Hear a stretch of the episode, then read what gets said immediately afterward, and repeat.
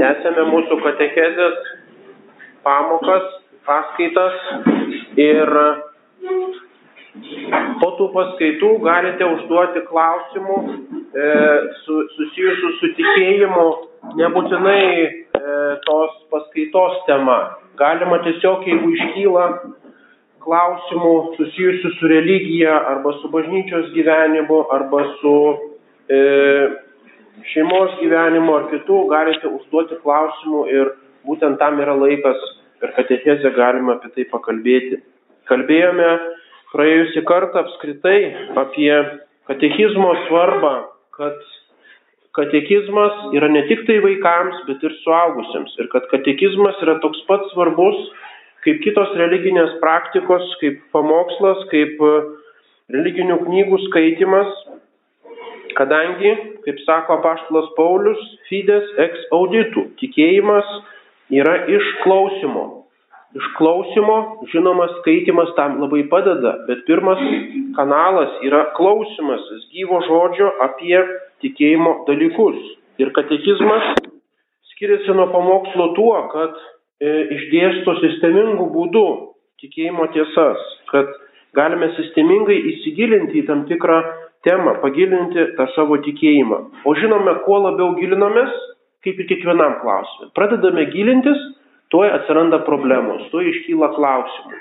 Ir tada mūsų protas pradeda dirbti, tada pradedame domėtis savo tikėjimu, savo religiją, tomis tikėjimo, tais tikėjimo klausimais.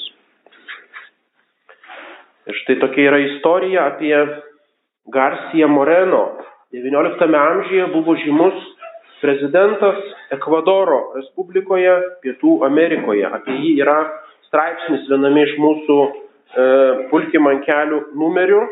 E, buvo toks e, tais laikais išimtis, kada visa Europa linko į liberalizmą, į bedievybę. Garcia Moreno samoningai stengiasi išsaugoti katalikybę Ekvadore ir nors tai nebuvo monarchija, bet e, vadovauti katalikiškais principais būtent tai Respublikai. Ir jis ypač domėjosi mokslo, mokslų ir e, universitetų veikla savo šalyje ir dažnai dalyvaudavo egzaminuose universitetų, žiūrėdavo, kaip, kaip universitetai ruošia, e, kartą dalyvavo teisininkų, būsimų teisininkų egzaminuose. Ir štai vienas studentas gynė daktaro laipsnį iš teisės ir puikiai atsakinėjo į klausimus, apsigynė ir tada mm, prezidentas pagyrė tą jaunuolį, įrodyti mums, kad esate apsiskaitęs teisėje, kad žinote valstybės teisę. Tačiau ar žinote dieviškąją teisę, ar žinote Dievo teisę, ar žinote katechizmą, ir uždavė tam teisės daktarui keletą klausimų iš katekizmo, išegzaminavo. Ir pasirodė, kad teisės daktaras nelabai žino tą dieviškąją teisę ir nesugebėjo tos klausimus atsakyti.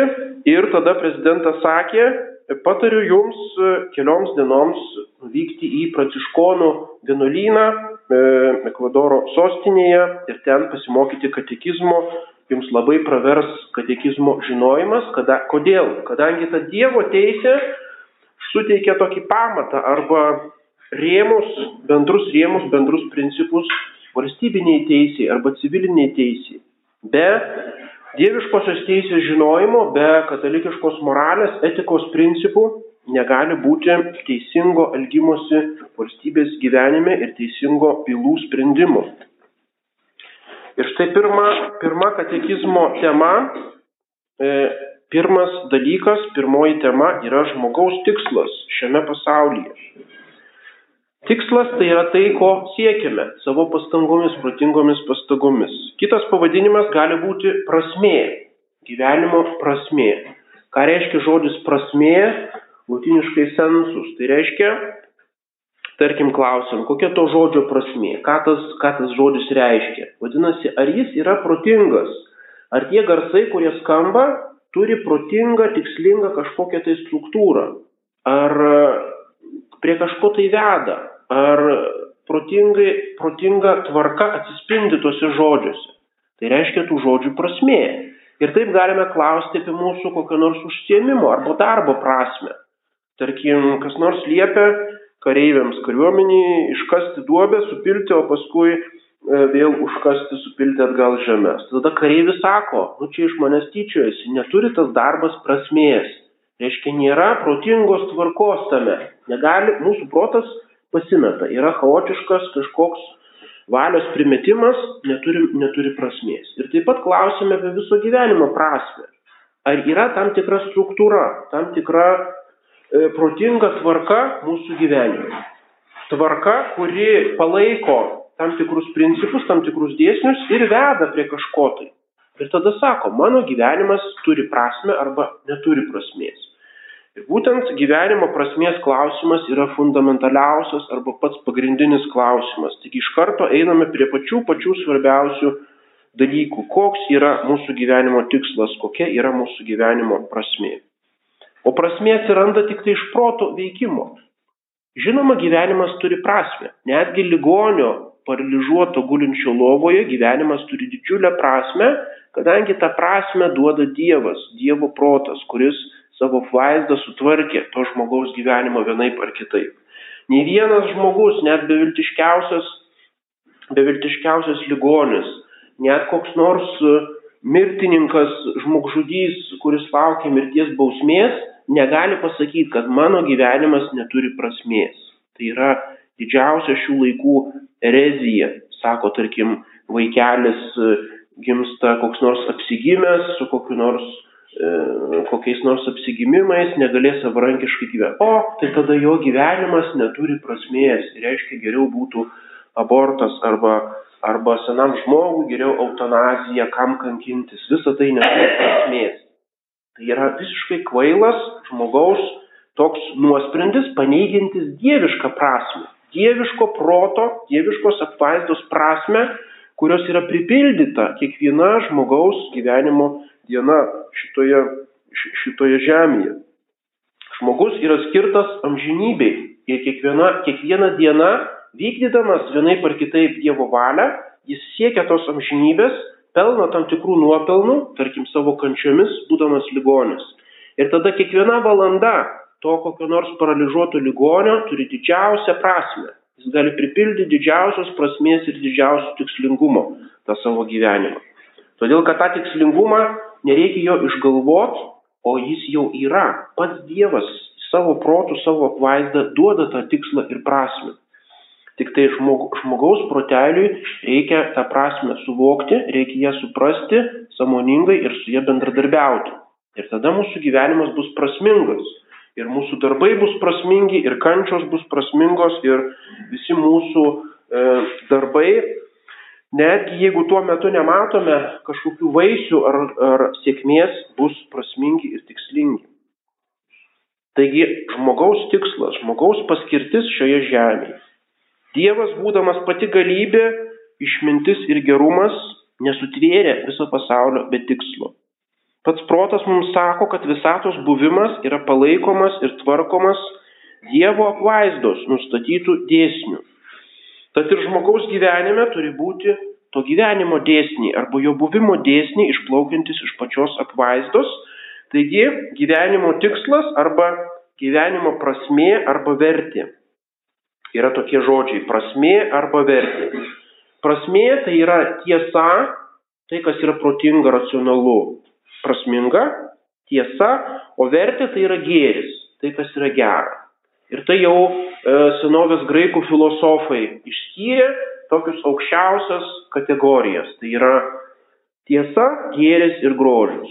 Ir štai kas yra, gė, kas yra Dievas, tai yra aukščiausia tiesa, aukščiausias gėris ir aukščiausias grožis. Ir štai jeigu klausima apie žmogaus tiesą arba žmogaus gėrį, tai būtent ir yra klausimas, ar žmogus turi prasme ir turi vertę. Žmogus yra Dievo atvaizdas ir visuomet veikia tikslingai. Taigi, būdamas atvaizdas, paveikslas Dievo, jis veikia tikslingai, protingai, siekia tam tikro gėrio, tam tikros tiesos ir prasmės. Taigi negali būti, kad pirmavaizdis, pagal kurį žmogus sutvertas, veiktų be tikslo. Taigi yra analogija iš žmogaus veikimo, jeigu žmogus veikdamas siekia tikslo, prasmės ir vertės, tai tuo labiau Dievas, kuris sutvėrė tą žmogų, veikia siekdamas tikslo, e, tam tikro tikslo, tam tikros tiesos ir gėrių. Taigi visa, visas pasaulis, visa tai, kas yra, e, turi savo prasme ir vertę. Viskas turi tam tikrą e, fundamentalę tiesą ir fundamentalų gėrį. Ir todėl filosofija taip sako, kad būtis yra tiesa arba būtis yra gėris. Vien dėl to, kad kažkas yra, vien dėl to, reiškia Dievas davė tam tikrą būti daiktui, vien dėl to tai yra gera, vien dėl to, kad tai yra sutverta. Jeigu Dievas sutvėrė akmenį, vadinasi, tas akmuo yra fundamentaliai geras ir fundamentaliai turi tam tikrą savo tikslą, turi savo prasme. Ir tuo labiau tada visas pasaulis, visas kosmosas, visas žmogaus gyvenimas turi tą prasme, turi tikslą ir turi savo gėrį. Viską, kaip skaitome pradžios knygoje, visa, ką sutvėrė, viskas yra gera. Viskas, kas Dievo sutverta, išėjo iš jo išminties, iš jo rankos, viskas yra gera ir viskas yra tiks, tikslinga. Ir štai kokiam tikslui Dievas sukūrė žmogų, apie kurį psalmistas psalmėje aštuntoje psalmėje sako, nemenkesnį už angelus.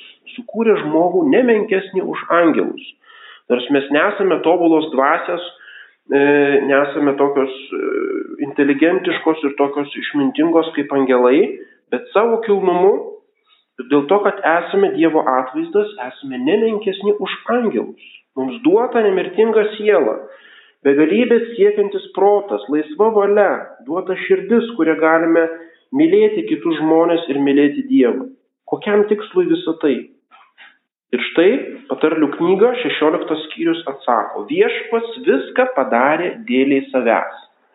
Taigi, kaip tik įtemptume protą, kaip begalvotume, negalime sugalvoti aukščiausios prasmės arba aukščiausio tikslo visiems tvariniams, kaip tik tai pats tvėrėjas, pats Dievas. Viešpats viską sukūrė galų gale dėl savęs. Tai nėra kažkoks egoizmas ar kažkaip, nes negalim net pamastyti kažko aukštesnio už Dievą. Dievas negalėjo viso to sutverti kažkokiam dar aukštesniam Dievui, dar kažkam. Viešpats viską padarė dėl į savęs, dėl savo aukštesnės garbės. Per šitą sutvėrimą jis į išorę pademonstruoja, manifestuoja savo išmintį, savo gerumą ir savo galybę. Sutvėrė savo Taigi ir žmogus, būdamas viso regimo, visos regimos tvarinijos karalius, taip pat yra sukurtas Dievui. Tas, kas sukūrė, tas yra ir jo tikslas. Jeigu puodžius žiedžia puodą, tai tasai puodas yra jam skirtas jo naudai, kad jis juo naudotųsi, maistui laikyti arba parduoti, arba papuošimui būsto. Viską, ką žmogus daro, daro savo. Ir taip Dievas sukurdamas žmogų, jis sukūrė savo. Pastatė jį kaip visos regimos tvarinijos karalių, kad jis pažintų savo viešpatį, kad jį mylėtų, kad ištikimai jam tarnautų ir tuo būdu pasiektų amžiną gyvenimą su juo danguje. Tai yra visos tvarinijos tikslas ir žmogaus gyvenimo tikslas - Dievas. Iš Dievo kilęs į link Dievo eina. Tam, kad pažintų Dievą, Tai yra mūsų proto tikslas, mūsų inteligencijos tikslas. Aukščiausia, žinoma, mes pažįstame daugybę kitų dalykų šitame pasaulyje, tai kas mums naudinga, taip pat grožimės visų tuo kosmosu, bet galutinis mūsų pažinimo tikslas yra Dievas. Taip pat, kad mylėtume Dievą. Žmogus yra toks kaip meilės ambasadorius pasaulyje. Pasaulis, pasaulio ne, neprotingi tvariniai negali mylėti gyvuliai arba augalai negali išreikšti savo meilės Dievui. Žmogus juos atstovaudamas, kaip jų atstovas, kaip jų ambasadorius, kaip, kaip viso pasaulio karalius ir atstovas, visos tvarinijos vardu išreiškia savo meilę Dievui. Taip pat, kad jam tarnautų, tai yra vykdytų jo valią, savo valia visiškai jungtųsi su Dievo valia ir galiausiai tokiu būdu pasiektų amžinai gyvenimą su juo danguje. Taigi pirmiausia turi pažinti Dievą iš daiktų tvarkos ir iš Dievo apreiškimo, paskui turėdamas protą pažįsta Dievą ir turi jam jį samoningai garbinti ir jam tarnauti. Ir šitą pareigą, šitą prasme jaučia visos pasaulio tautos. Nėra tokios tautos, kuri neturėtų religijos. Žinoma, tos pagonių religijos yra klaidingos, bet jos, juose matome tą, tą tikslą, kad žmogus tiesiog instinktyviai siekia tos prasmės, to tikslo, ieško kažkokio Dievo ir jaučia pareigą jį garbinti ir jam tarnauti. Ir štai Dievas sutvėrė žmogų ne tik tai dėl savęs, dėl savo garbės, bet ir paties žmogaus laimiai. Taigi tas pats tikslas yra kaip moneta, kuri turi dvi pusės arba dvi medalio pusės. Tai yra Dievo garbė, bet ir paties žmogaus laimė. Ir čia nėra jokio prieštaravimo. Žmogus tarnaudamas Dievui, siekdamas Dievo, kartu nusipelno savo paties laimę. Ir kita vertus, jis negali rasti laimės, tvarios ir pastovios ir tikros laimės, nesiekdamas to objektivaus tikslo Dievo garbės. Taigi, sukūrė žmogų savo garbį ir žmogaus laimę. Taip trumpai galima atsakyti tą klausimą, koks yra žmogaus gyvenimo tikslas arba kokia yra prasmė. Prigimtis, žmogaus prigimtis neapgaudinėja žmogaus, nes jos autorius ir kuriejas yra pats Dievas, vadinasi pati tiesa. Dievas sutvėrė tą prigimtį, vadinasi, prigimtis išreiškia tą Dievo tiesą. Ir štai žmogus iš prigimties trokšta laimės. Troškimą, kuris eina iš pačių žmogaus būties gelmių, tas troškimas turi būti kažkokiu būdu patenkintas, nes kitaip jis būtų bergždžias, kitaip jis būtų beprasmis.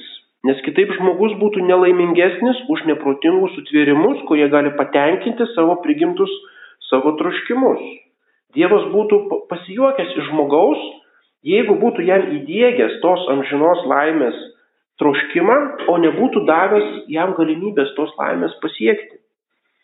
Jeigu žmogus taip kaip šuniukas, jam duodi paėsti, duodi pabėgioti ir jam to užtenka, jo absoliučiai laimiai, jis tam jo užtenka tai lygiai tą pat galėjo žmogui duoti, bet davė aukštesnį, įdėgė į žmogaus sielą aukštesnį troškimą ir tai yra argumentas iš to prigimties troškimo, kad turi būti tas tikslas, amžinasis tikslas, kuris yra aukštesnis už šios, šios žemės gyvenimą. Šiame žemės, žemiškame gyvenime tas laimės troškimas negali būti absoliučiai pasotintas. Tai yra tik tai toks paragavimas tos laimės arba tam tikras prieskonis, mes galim pajusti, ką reiškia ta laimė, bet jinai to jaus praeina, to jaus pasirodo per silpna, to jaus mus apvilia. Mes trokštame absoliučios ir tvarios laimės. Žemės gerybės yra netobulos, nepastovius ir todėl negali duoti tokios laimės, kokios trokšta neribota žmogaus dvasia. Ir štai apreiškimas, dieviškas apreiškimas išaiškina, šitą žmogaus laimės potroškį, nurodydamas, kad jis patenkin, kad jo patenkinimas yra galimas ir yra galimas ant gamtinėme gyvenime. Štai skaitome tokią istoriją, šventasis Pranciškus Asižėtis e, pamokslaudavo e, miestuose ir štai eina gatve ir mato, kaip mūrininkas e, stato kažkokį pastatą ar tvorą mūryje.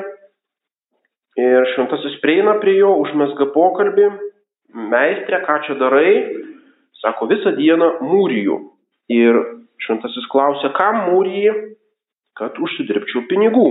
O kam tau tie pinigai? Nu, tas stebėsi kvailas klausimas. Kam pinigai? Kad nusipirkčiau duonos. O kam tau ta duona? Kaip tai kam? Kad gyvenčiau. Reiškia, galų gale viskas susiveda į gyvenimą.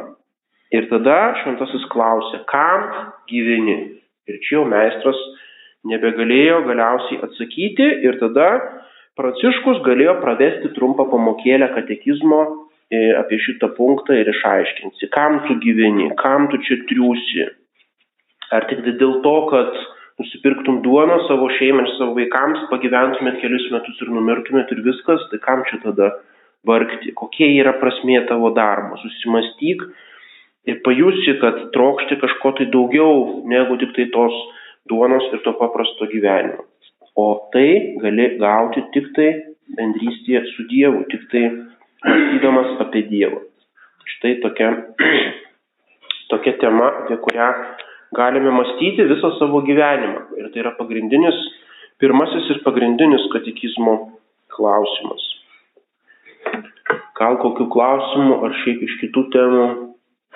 Šiandien pranciškaus šventą dieną jis laimina po šunis suveda. Va, va, va, nu tai čia, nu tai aišku, šunys visi yra Dievo tvariniai, bet mes atskiriame tam tikras ribas. Tarkim, yra riba tarp svetainės ir tvarto. Mes į savo lovą keulės neįsivedam. Tai nereiškia, kad keulė yra blogas dalykas, yra geras, bet yra tam tikros ribos. Žmogus visa tvarka susideda iš ribų kūrimo. Arba yra tam tikri šventi dalykai, o kiti yra paprasti kasdieniški dalykai. Kaip sako Jėzus Kristus, neberkite perlų keuliams. Tai nereiškia, kad keulės blogos, bet tiesiog perlai yra kažkas kilnaus ir švento, negalima jų mesti.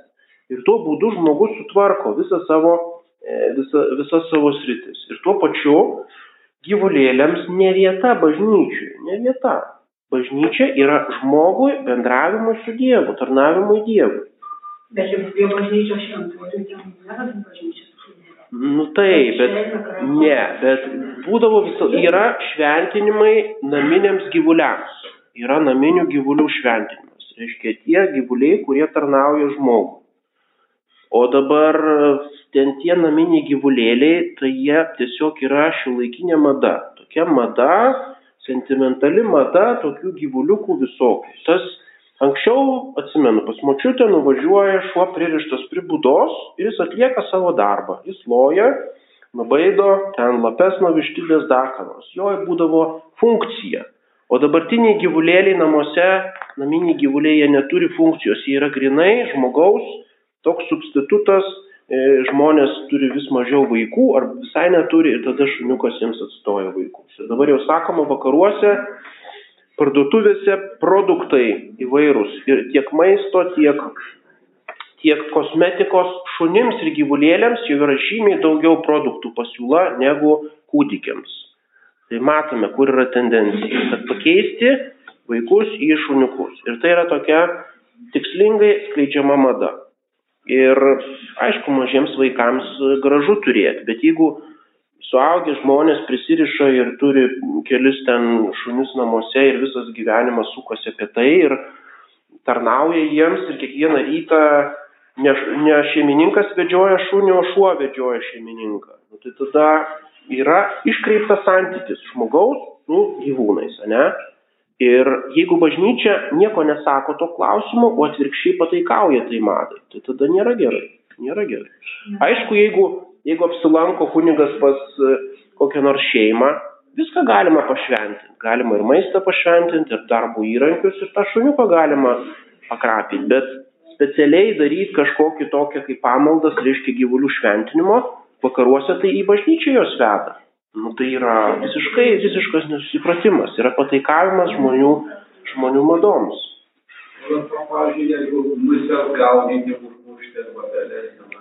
Nu, tai aišku, kad galima. Ribų, rib, ribų atskirimas, ribų atskirimas yra e, erdvė skirta žmogui.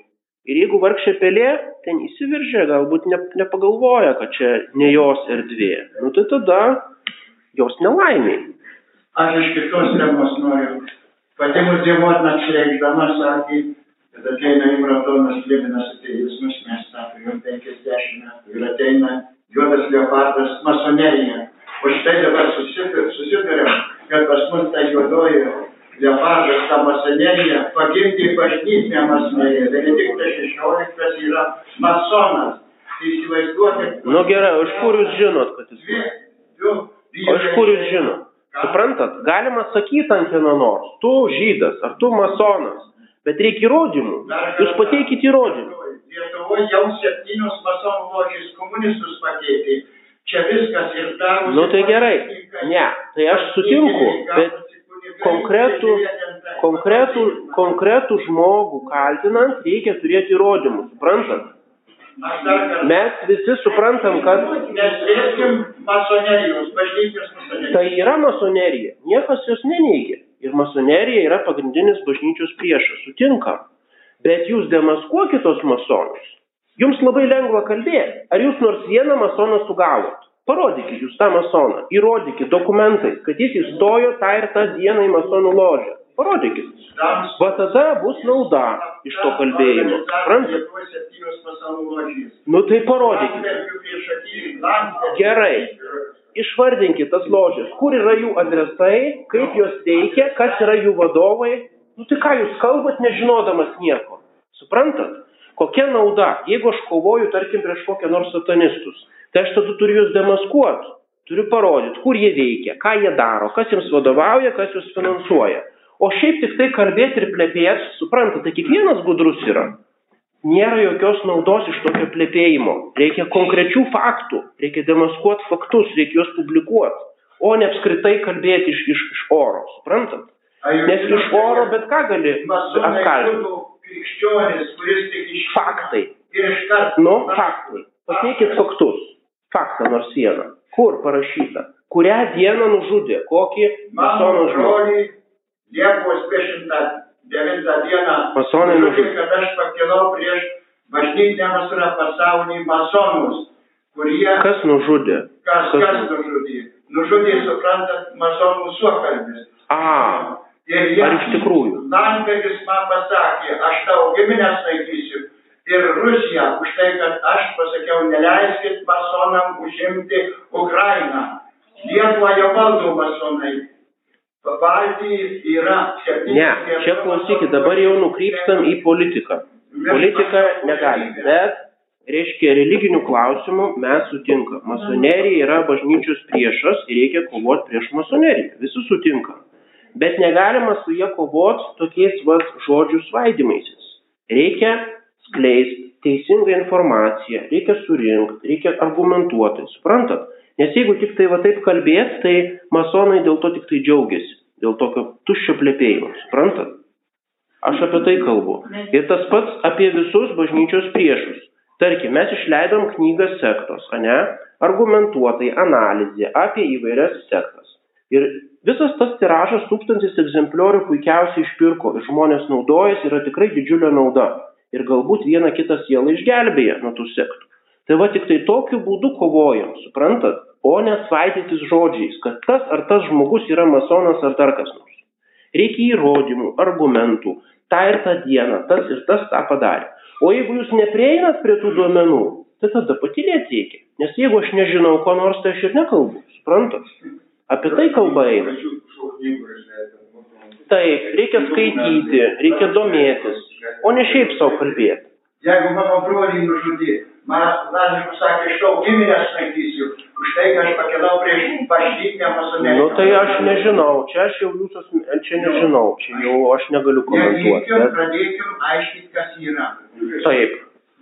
Padarysim, gerai, padarysim kada nors paskaitą apie masoneriją. Gerai, padarysim. E, Pasiruošiu, kada nors bus paskaita to klausimu. Gerai? Rožančiaus tą dalį šviesos paslaptis. Nu, kodėl, reiškia, bažnyčia būna Marijos radiją, penktadienį, žiūriu. Ne, suprantat, mes taip sakom, kad rožančius yra tradicinė malda. Yra tam tikra tra- tradicijos įvesta. Pačios mergelės Marijos nurodyta, koks tas rožančius. Jeigu e, šventasis tėvas Jonas Paulius II norėjo kažką, tai jis galėjo papildomą maldinę praktiką įvesti, tada būtų viskas gerai. Bet jis keičia be jokio pagrindo tą jau esamą praktiką. Nes yra visa ta simbolika 150 sveika Marija atitinka 150 psalmių.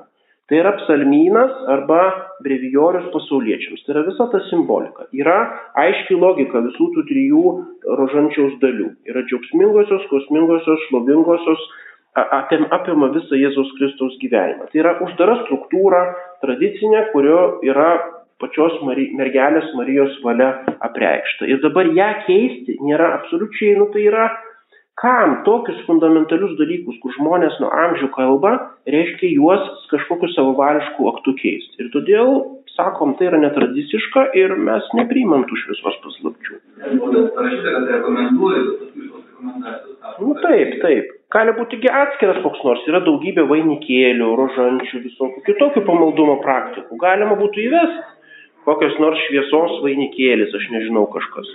Bet kam tą rožančių, kam kėsintis į tuos paprastus tokius elementarius dalykus? Jis- Nu tai gerai, nu tai imam tėvę mūsų maldą ir pakeičiam, ir ką nors pridedam ar atimam. Nu tai kam? Tai tiesiog yra griovimas tų paprastų tradicinių dalykų. Jau viskas, dabar man jau reiks keliauti.